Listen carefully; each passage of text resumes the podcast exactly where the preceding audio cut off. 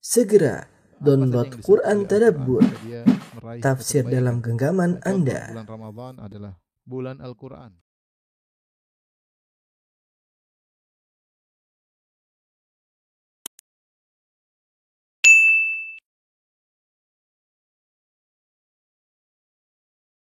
Bismillahirrahmanirrahim. Assalamualaikum warahmatullahi wabarakatuh.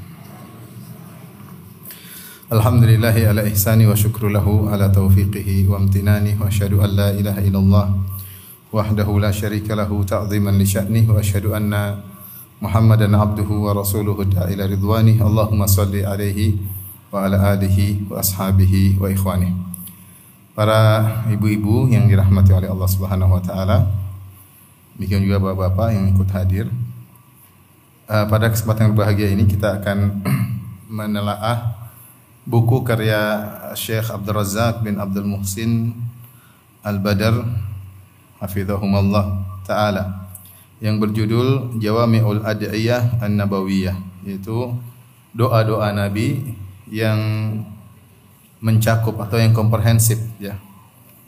Yang Eh, buku ini intinya mensyarah tentang 30 doa-doa yang penting yang dipilih oleh Syekh Abdul Razak taala yang untuk kita perhatikan, kita hafalkan dan kita selalu berdoa dengan doa-doa tersebut dengan memahami makna dan kandungan dari doa-doa tersebut. Tentunya berbeda antara orang yang berdoa dan dia pahami kandungan doanya dengan orang yang hanya melafalkan doa namun dia tidak memahami kandungan doa tersebut.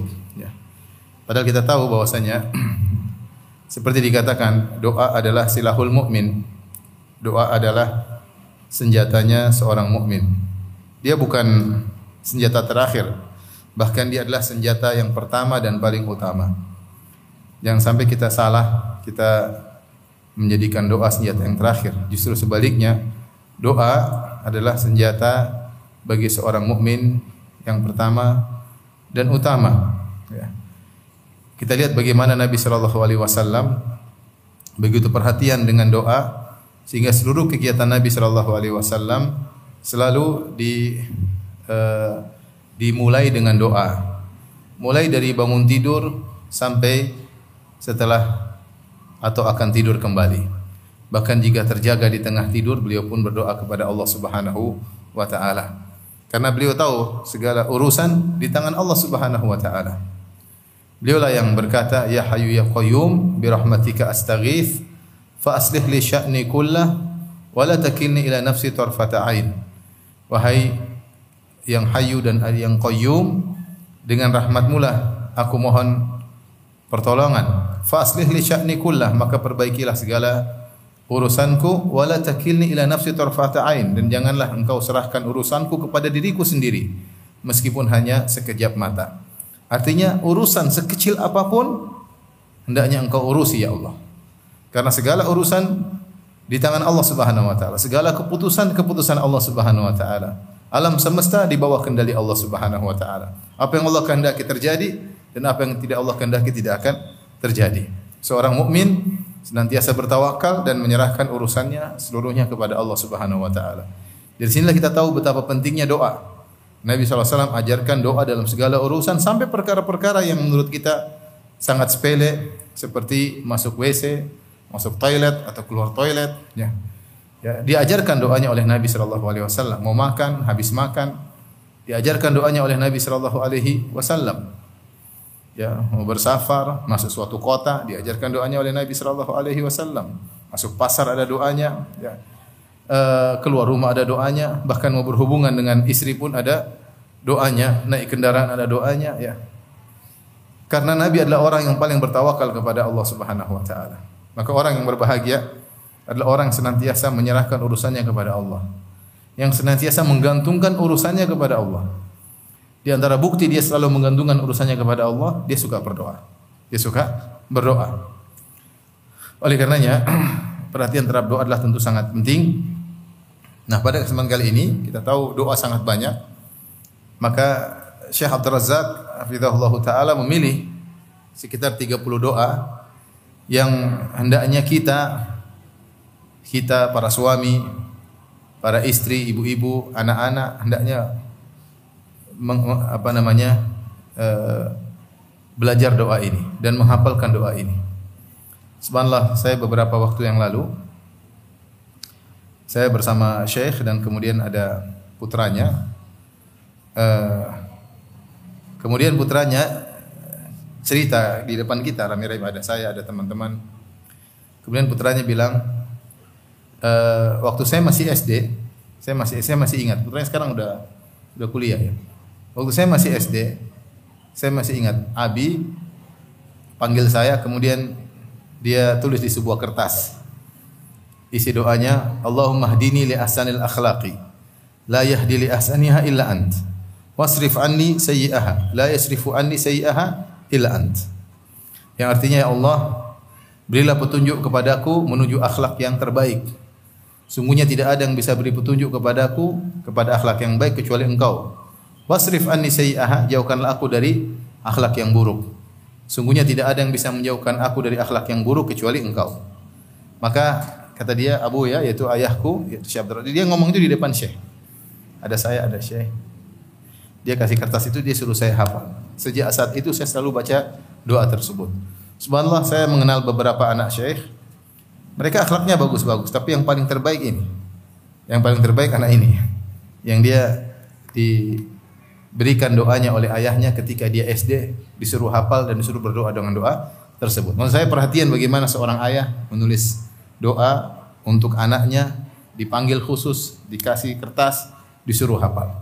Kemudian dia baca doa tersebut dan subhanallah eh, dia adalah di antara anak syekh yang paling terbaik akhlaknya yang saya tahu ya. Jadi eh, doa-doa yang indah-indah ini hendaknya kita hafalkan karena kita juga butuh kepada doa-doa tersebut. Demikian juga para ibu-ibu, ibu-ibu juga hendaknya menghafalkan doa-doa tersebut dan juga jangan lupa mengajarkan kepada anak-anak kita untuk menghafal doa-doa tersebut. Sehingga doa-doa tersebut yang 30 doa pilihan ini menjadi teman hidup mereka dalam kehidupan mereka, keseharian mereka. Sungguhnya dalam kehidupan ini banyak ujian, banyak tantangan, banyak problematika. Kalau Allah tidak mengurusi urusan mereka, tentu mereka akan kesulitan menghadapi tantangan kehidupan. Oleh karenanya doa-doa ini adalah doa-doa pilihan eh, yang penting dan kalau tidak salah panitia sudah mengkopi ya dibagi-bagikan kepada para jamaah. Ya, di situ ada 15 doa sudah diterjemahkan, ada 30 nanti 15-nya lagi nyusul insyaallah taala. Baik, kita uh, baca ya atau kita sarikan dari buku yang ditulis oleh Syekh Abdul Razak dan sebenarnya buku ini juga adalah kumpulan ceramah beliau yang ditranskrip kemudian dibukukan. Pembahasan pertama adalah tentang Sebelum kita bahas doa-doanya, kita bahas tentang makanatul ad'iyah an-nabawiyah al-jami'ah wa manzilatuha. Tentang kedudukan doa-doa Nabi yang bersifat jami', bersifat komprehensif, bersikap bersifat mendalam dan kedudukannya dalam Islam. Uh,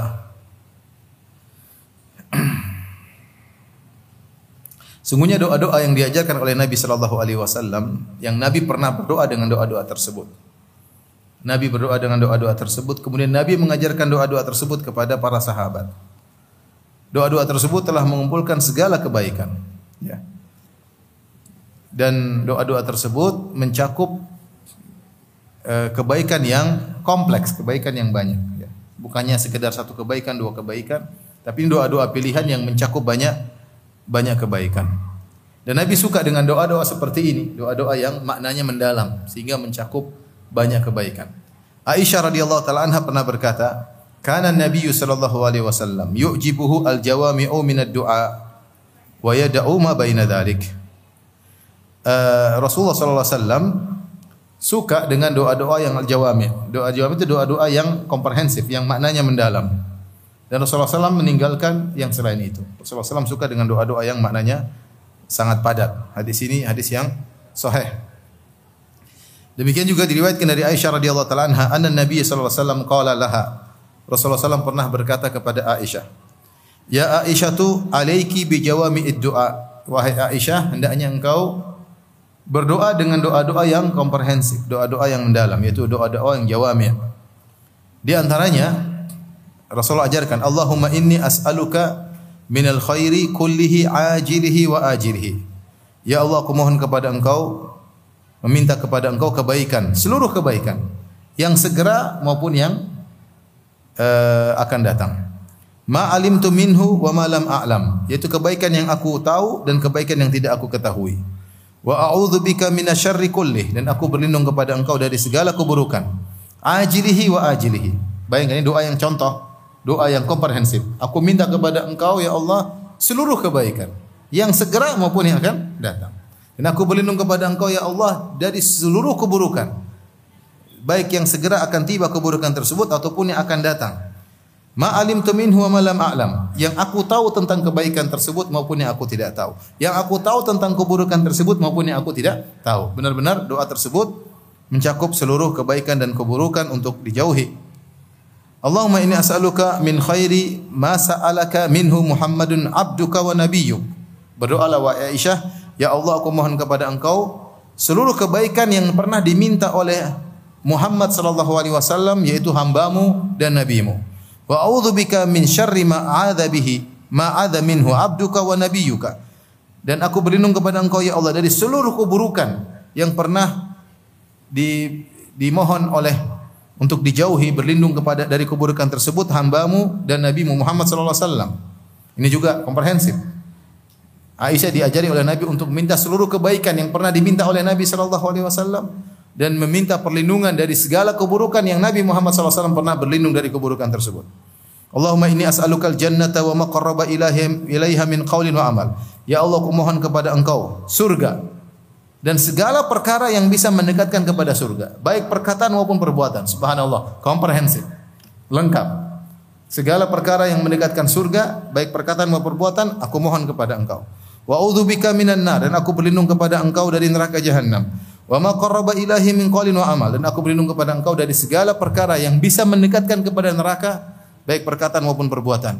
Wa as'aluka ma qadaita li min qada'in anta ja'al aqibatahu rusdan. Dan aku mohon kepada Engkau ya Allah, segala perkara yang Kau putuskan untukku, aku ingin kesudahannya adalah kebaikan. Ini contoh doa yang lengkap, komprehensif. Nabi SAW suka dengan doa seperti ini. Kenapa demikian? Karena yang kita minta ini yaitu Allah Subhanahu wa taala kekayaannya tanpa batas. Kekayaan tanpa batas. Kayak Ustaz mau minta banyak sekali, apa susahnya? Apa susah bagi Allah? Tidak ada susah bagi Allah. Kalau mau kasih Allah kasih. Beda kalau kita minta kepada manusia. Manusia kita minta dia punya aset terbatas. Sekaya apa pun, mau triliuner, mau biliuner, ya. Kekayaan terbatas. Kita minta sekali dia kasih, dua kali dikasih, tiga kali mulai berkurang pemberiannya. Minta terus-terusan nggak enak. Lama-lama kita diusir, meskipun dia sangat kaya raya. Kenapa? Meskipun dia sangat kaya raya, tetap asetnya terbatas. Sehingga sifat manusia tidak suka kalau diminta terus, sifat manusiawi. Seperti itu. Adapun Allah Subhanahu wa taala semua kekayaan di tangannya dan kekayaan itu tidak pernah terputus Ya Allah tinggal bilang kun fayakun, terjadi maka terjadilah. Kekayaannya unlimited, tidak terbatas.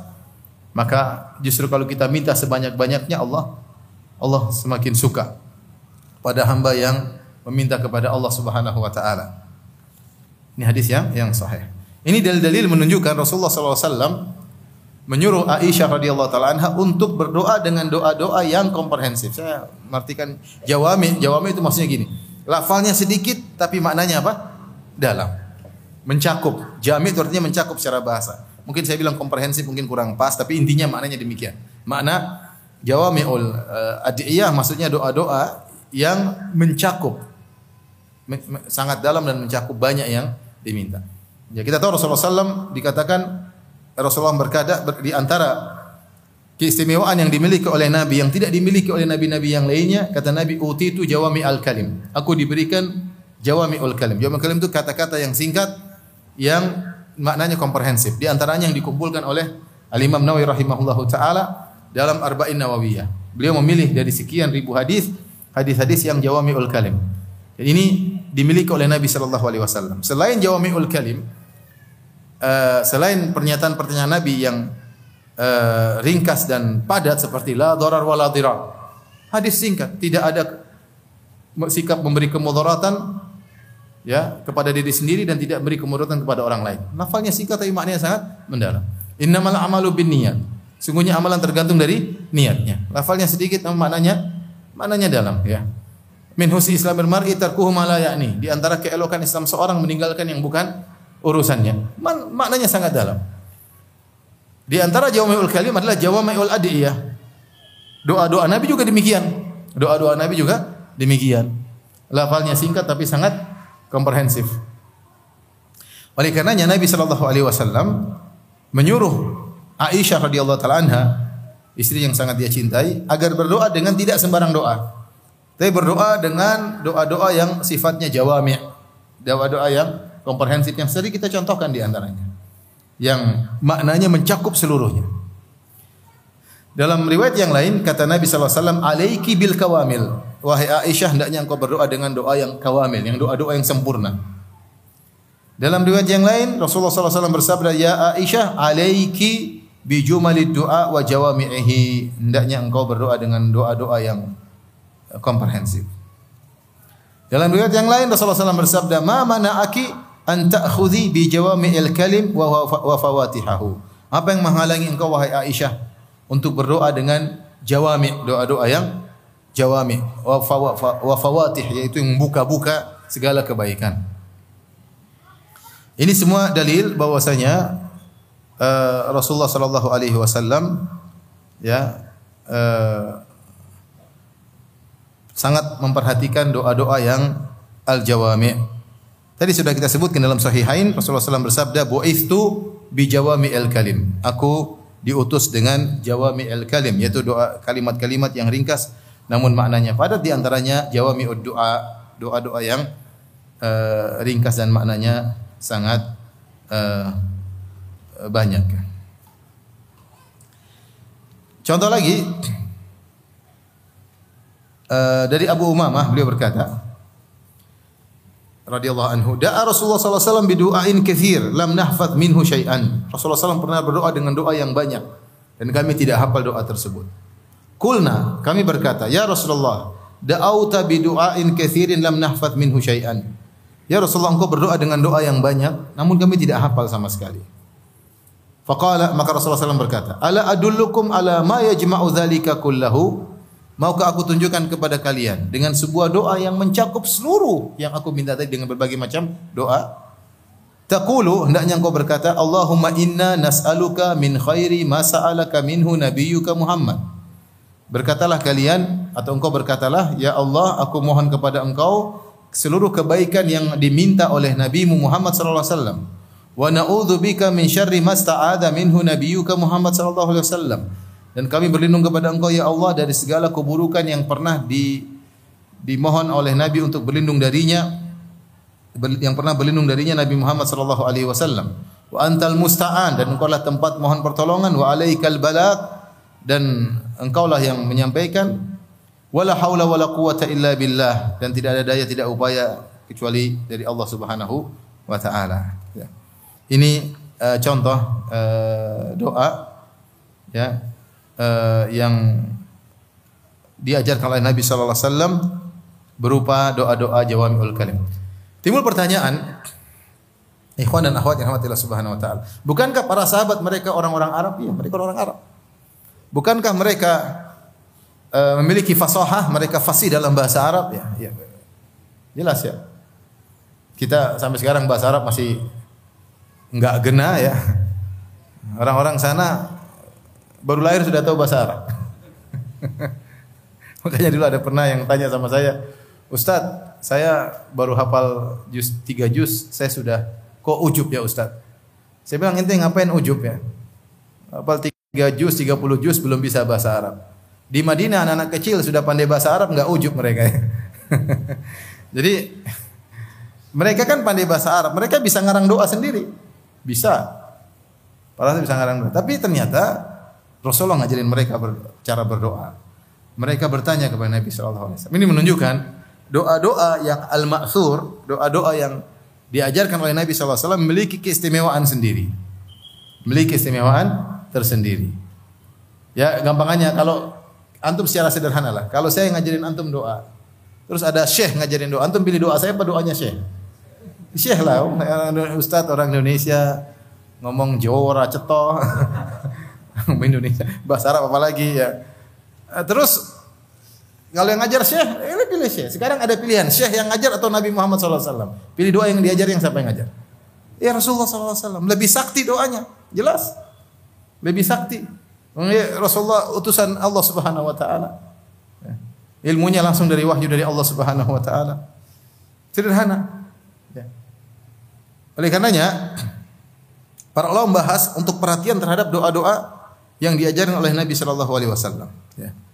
Di antara dalil-dalil akan pentingnya berdoa dengan doa dari Nabi Shallallahu Alaihi Wasallam.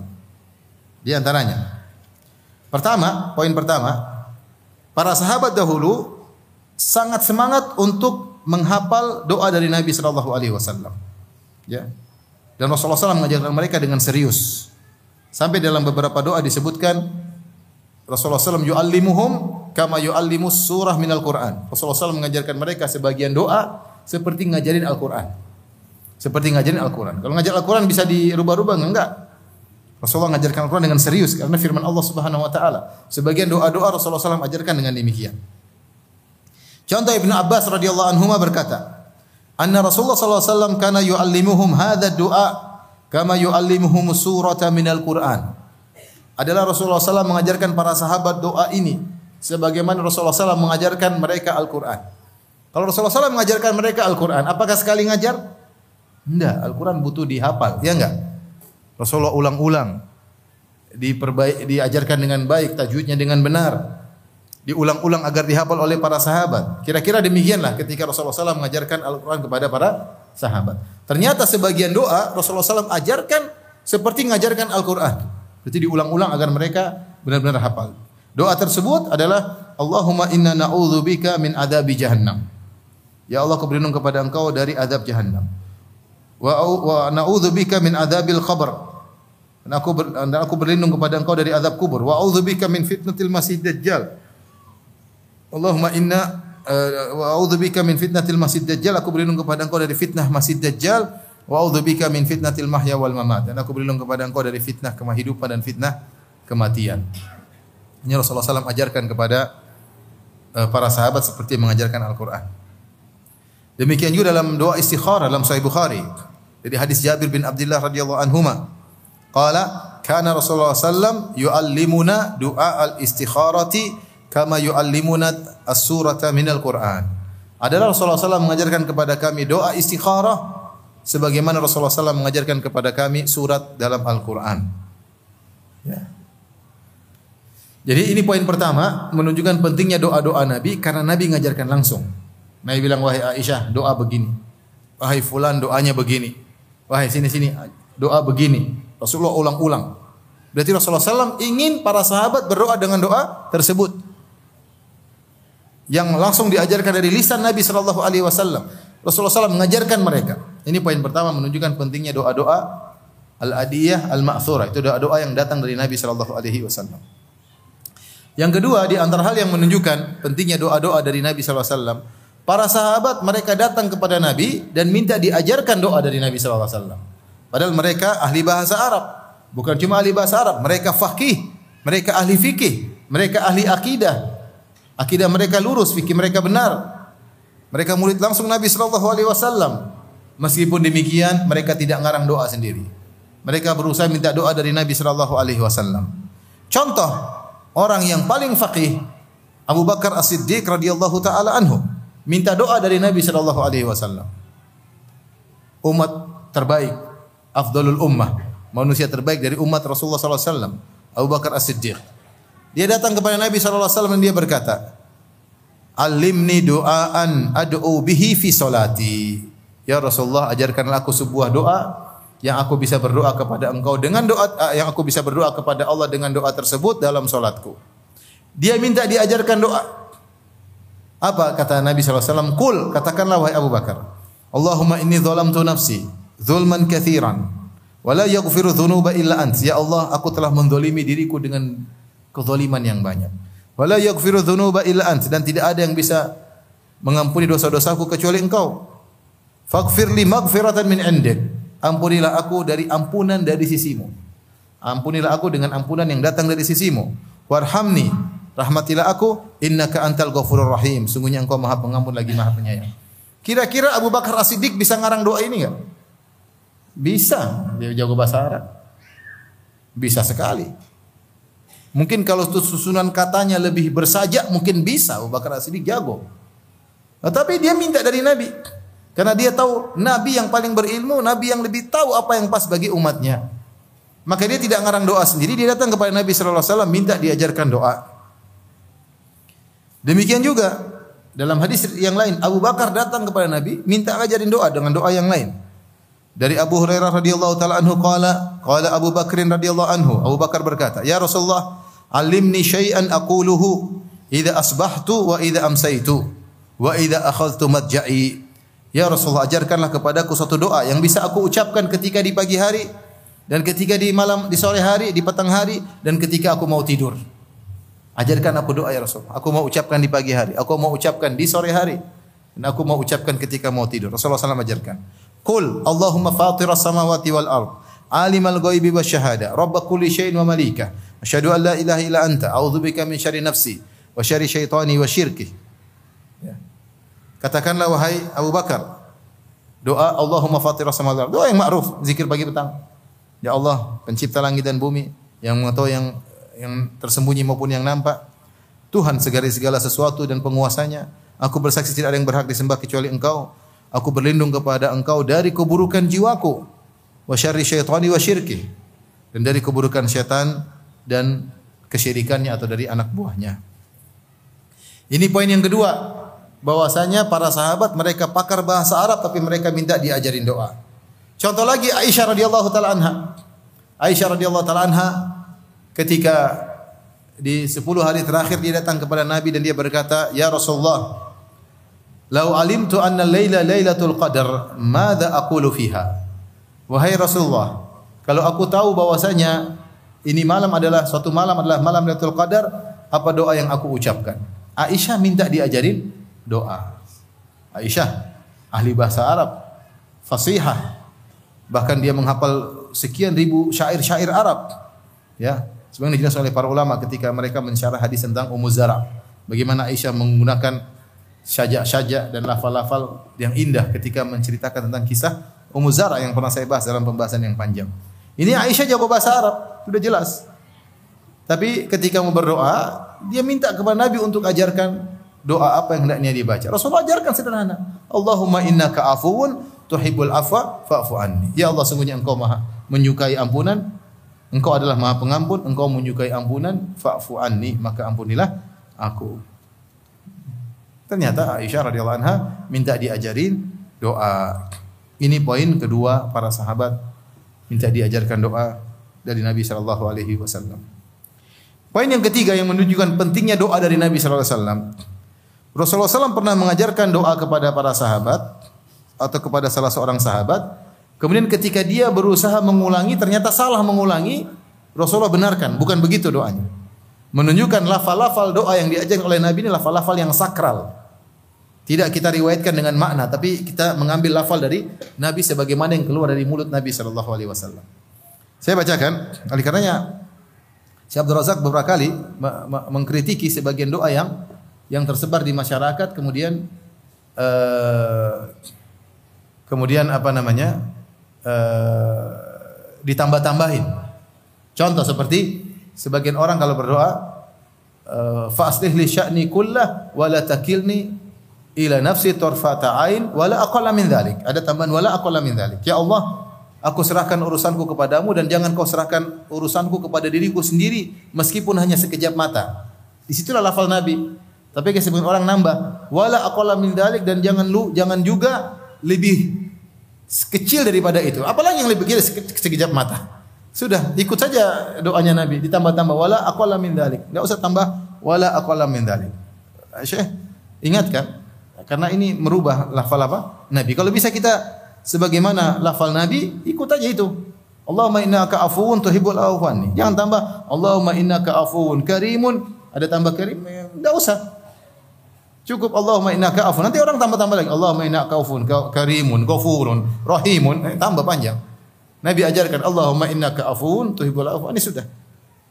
Artinya kita berusaha menjaga kesakralan lafal doa Nabi sallallahu alaihi wasallam.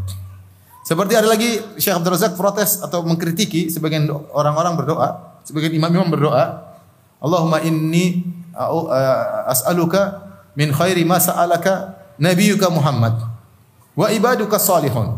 Ada tambahan wa ibaduka salihun. Ya Allah aku mohon kepada Engkau semua kebaikan yang diminta oleh Nabi Muhammad SAW. Nabi ngajarin sampai situ. Imam-imam sebagian nambah lagi.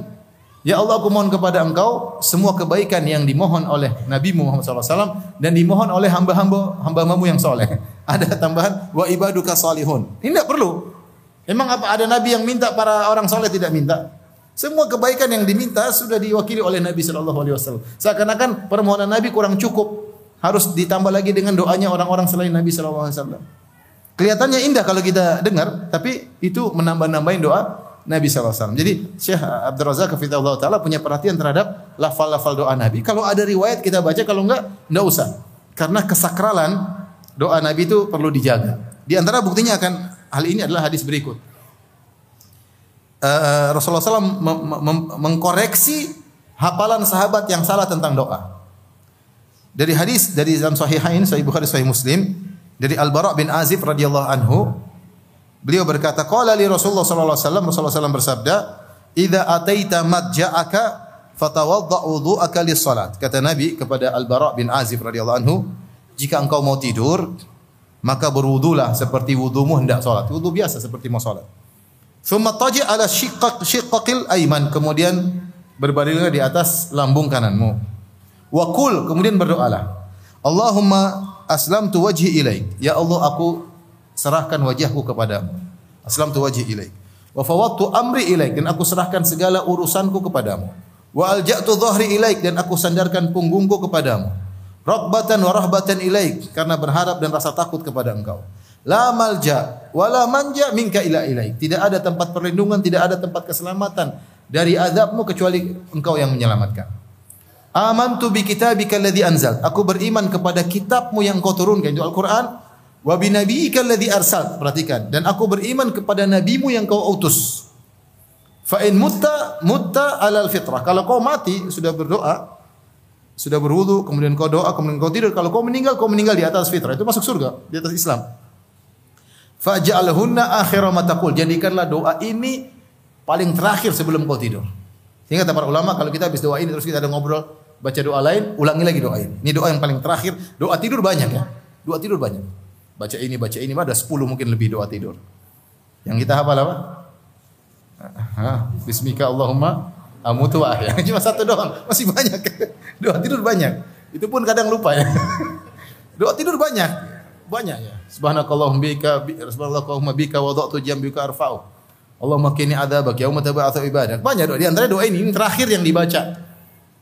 Kata Rasulullah SAW, waj'alhunna faj'alhunna akhira ma taqul. Jadikanlah ini ucapanmu terakhir.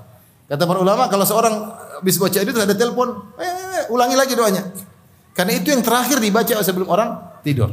Jadi Nabi ajarkan, Allahumma aslamtu wajhi ilaik ya wa afawatu amri ilaik wa alja'tu dhahri ilaik rakbatan wa rahbatan minka eh, rahbatan rahbatan ilaik la malja wala manja minka ila ilaik. Amantu bi kitabika alladhi anzalt wa bi nabiyyika alladhi arsalt. Ini doa nabi. Di situ ada perkataan wa bi nabiyyika alladhi arsalt. Aku beriman kepada nabimu yang kau utus. Taib. Fakultu kata al bara bin azib radhiyallahu anhu astadkiruhunna maka aku pun mengulangi doa tersebut di hadapan nabi dengar sekali langsung hafal maka dia menghafal dia mengulangi di hadapan nabi sudah benar. Aslam tu wajhi ilaik. Sudah benar. Fawafawatu amri ilaik. Sudah benar. Alja'tu dhahri ilaik. Rakbatan wa rahbatan ilaik. Uh, kemudian la malja wala manja minka ila ilaik. Amantu bi kitabika alladhi anzal. Sudah benar. Terakhir yang dia salah.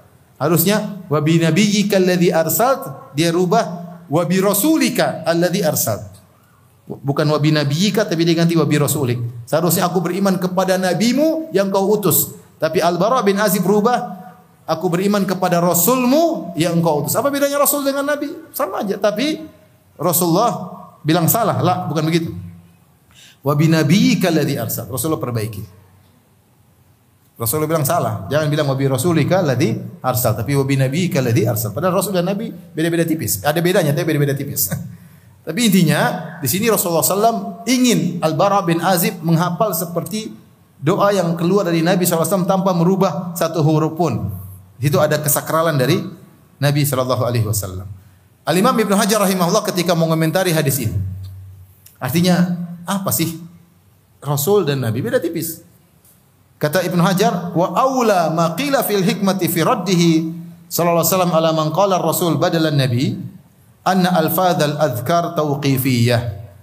Yang paling utama tentang penjelasan apa hikmahnya Nabi kok bantah atau memperbaiki, mengkoreksi doanya Al-Bara bin Azib yang mengatakan Rasul disuruh perbaiki menjadi nabi. Apa sih hikmahnya? Yang paling pendapat yang paling tepat hikmah akan hal ini anna alfadzal adhkari tauqifiyah. Karena lafal-lafal zikir itu tauqifiyah, yaitu terima, terima jadi. Tauqifiyah.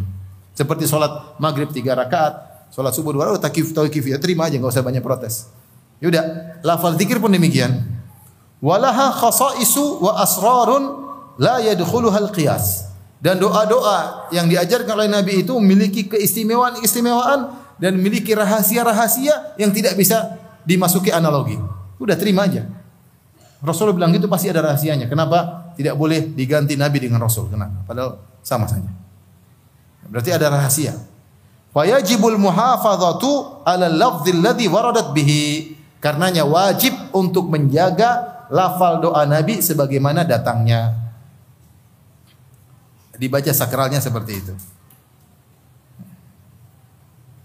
Dan banyak orang nama-namain doa Nabi banyak. Saya, saya memang bagus kita dengar indah. Tapi kalau kita bisa menjaga kesakralan doa Nabi itu lebih baik. Itu lebih lebih baik ya. Tidak usah ditambah-tambah. Ini perkara ketiga yang penting untuk kita kenapa kita berusaha belajar di doa Nabi. Perkara yang keempat yang pentingnya jawamiul kalim kita belajar doa dari doa Nabi SAW karena seorang terkadang berdoa doanya salah. Terkadang doa dia berdoa ternyata doanya salah. Kenapa salah? Karena kurang ilmunya. Dia kurang ilmu. Bisa jadi akidahnya salah, bisa jadi pemahamannya salah. Dia salah paham tentang sifat Allah, dia nggak ngerti tentang bagaimana sifat Allah, bagaimana sikap Allah yang sebenarnya, yang ngerti sehingga dia ngarang doa yang ternyata bisa salah. Jadi ini pernah terjadi pada seorang sahabat, salah berdoa. Salah berdoa. Uh, Al-Imam Muslim meriwayatkan dari Anas bin Malik radhiyallahu anhu, anna Rasulullah SAW ada rajulan minal muslimin. Rasulullah SAW menyenguk seorang dari kaum muslimin. Qad khafat fasara mithal farah. Sudah sangat kurus, orang tersebut sakit. Sudah sangat kurus seperti farah. Farah seperti anak burung baru lahir. Kurus, nggak bisa bergerak bangun. Udah benar-benar kurus karena sakit. Faqala lahu Rasulullah SAW curiga, ini kenapa orang seperti ini?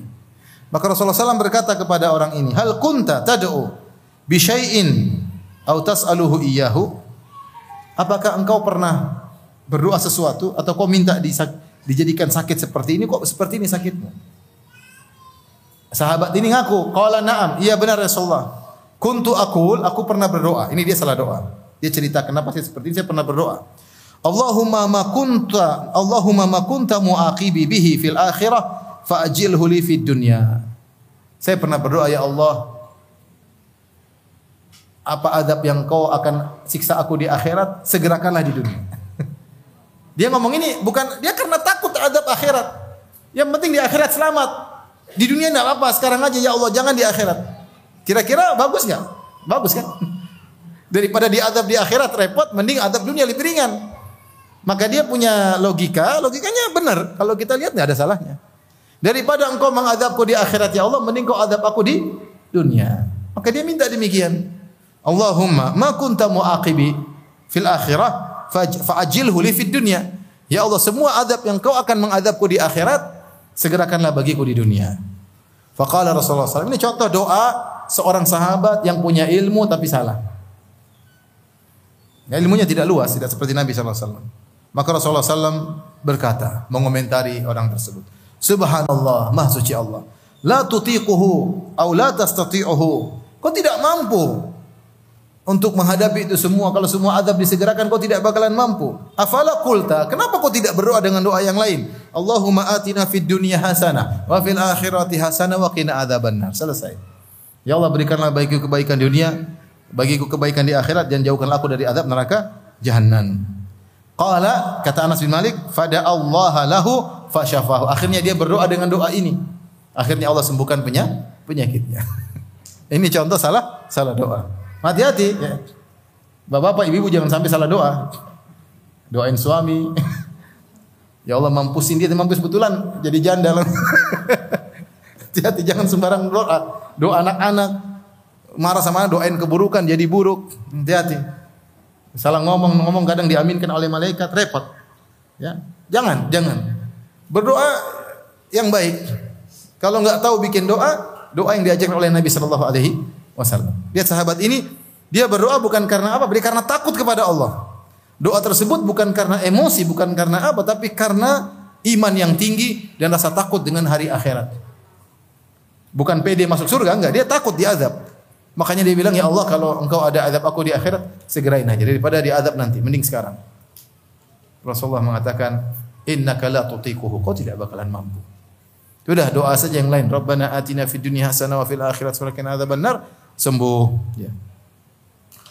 Ini uh, empat perkara yang menunjukkan akan agungnya doa-doa yang diajarkan oleh Nabi Shallallahu Alaihi Wasallam. Dan poin keempat ini sangat penting karena kita dapati sebagian doa-doa dikarang oleh sebagian orang ternyata isinya kesyirikan misalnya. Saya pernah lihat buku doa di musim haji didatangkan orang jemaah haji bawa itu. Isinya minta kepada Abdul Qadir Jailani, minta kepada benar-benar minta rahmati aku, benar-benar minta bukan kepada Allah. Dia bawa mungkin dia nggak tahu ngerti artinya atau tidak. Ya, ngerti atau tidak Allah alam bisawab. Ya. Terkadang doa-doa tersebut ada sajak-sajaknya, tapi ternyata tidak uh, tidak tepat isi doanya.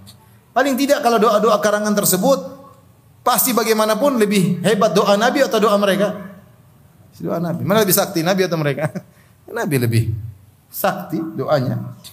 Kalau bahasa kita ya, tentunya tidak pas kita bilang sakti tapi kalau kita mau bahasakan ini lebih hebat doanya ya, lebih komprehensif karena di, diucapkan oleh orang yang paling tahu tentang Allah Subhanahu wa taala. Yang paling tahu tentang kebaikan adalah Nabi sallallahu alaihi wasallam.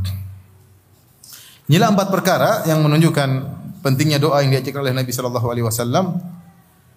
Uh, yang pertama adalah uh, Nabi mengajarkan doa tersebut kepada para sahabat.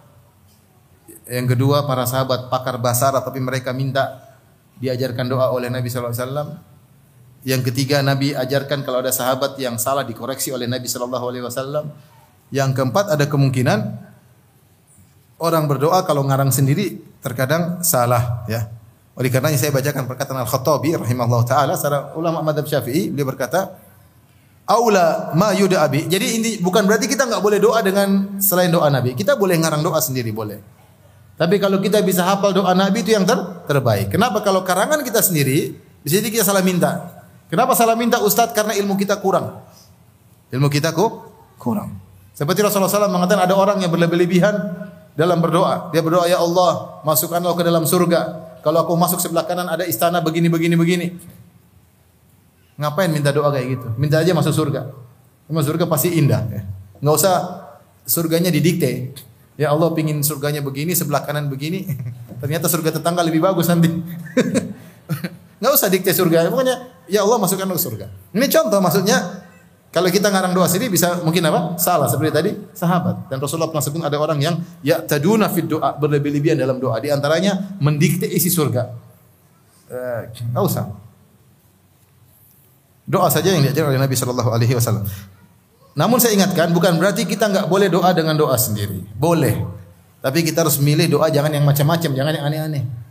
Nah, kita bisa ucap ya Allah saya dalam kondisi begini tolonglah aku kan bisa doa yang sederhana. Tidak usah dikte inilah berlebih-lebihan hati-hati. Kata Al-Khattabi rahimahullahu taala, "Aula ma yud'a bihi wa yusta'malu minhu ma sahhat bihi riwayatu an Rasulillah sallallahu alaihi wasallam. Yang paling utama dan digunakan untuk berdoa adalah yang telah sahih, telah valid riwayatnya dari Rasulullah wasallam wa thabata anhu bil asanidis sahihah dan valid dari Nabi dengan sanad-sanad yang sahih. Fa innal ghalata ya'ridu katsiran fil ad'iyah allati yakhtaruha an-nasu li ikhtilafi ma'arihim. Perhatikan kata Al-Khattabi, karena kesalahan itu sering menimpa doa-doa yang banyak yang dikarang-karang oleh manusia. Sering. Berarti ini pengalaman dia. Dia bilang katsiran itu banyak. Berarti dia menelaah banyak doa dan sering salah. Ini yang bilang ulama mazhab ulama mazhab Syafi'i. Fa innal ghalata ya'ridu katsiran fil adiyah allati yakhtaruha an-nasu. Uh, banyak kesalahan yang menimpa doa-doa yang dipilih-pilih oleh manusia. Likhtilafi ma'arihim karena ilmu mereka berbeda-beda. Wa tabayyuni madzahibihim fil i'tiqad wal intihal dan mazhab mereka dalam akidah juga berbeda-beda. Wa babud du'ai matiyatun madinatun lil khatir lil khatar. Karena doa itu adalah uh, sarana dan apa namanya potensi tergelincir, potensi kesalahan. Wa ma tahta qadamid da'i dahdhun falyahdhar fihi zalal wal yasluk wal yasluk minhu al jadad alladhi yu'manu ma'ahu al ithar wa ma taufiqu illa billah azza wa jalla. Sungguhnya ketika seorang berdoa di bawah dia ada tempat yang bisa menggelincirkan dia. Hati-hati jangan sampai tergelincir dengan salah berdoa. Hendaknya dia menempuh doa yang yang sudah jelas Ya sehingga kalau sudah berdoa dengan doa yang jelas yang dijanjikan oleh Nabi, dia tidak akan terjungkal. Tidak akan terjungkal. Ini menunjukkan pentingnya doa-doa yang diajarkan oleh Nabi sallallahu alaihi wasallam. Taib. Itu semua mukaddimah. Sudah habis waktu? Hah? Sekarang tanya jawab. Oh, sudah. Berarti doanya belum diajarin ya. Doanya nanti pertemuan berikutnya. Ini semua mukaddimah. Ibu-ibu hafal aja dulu doanya ada 15 doa besok setoran ya. Wabillahi taufik. Assalamualaikum warahmatullahi wabarakatuh.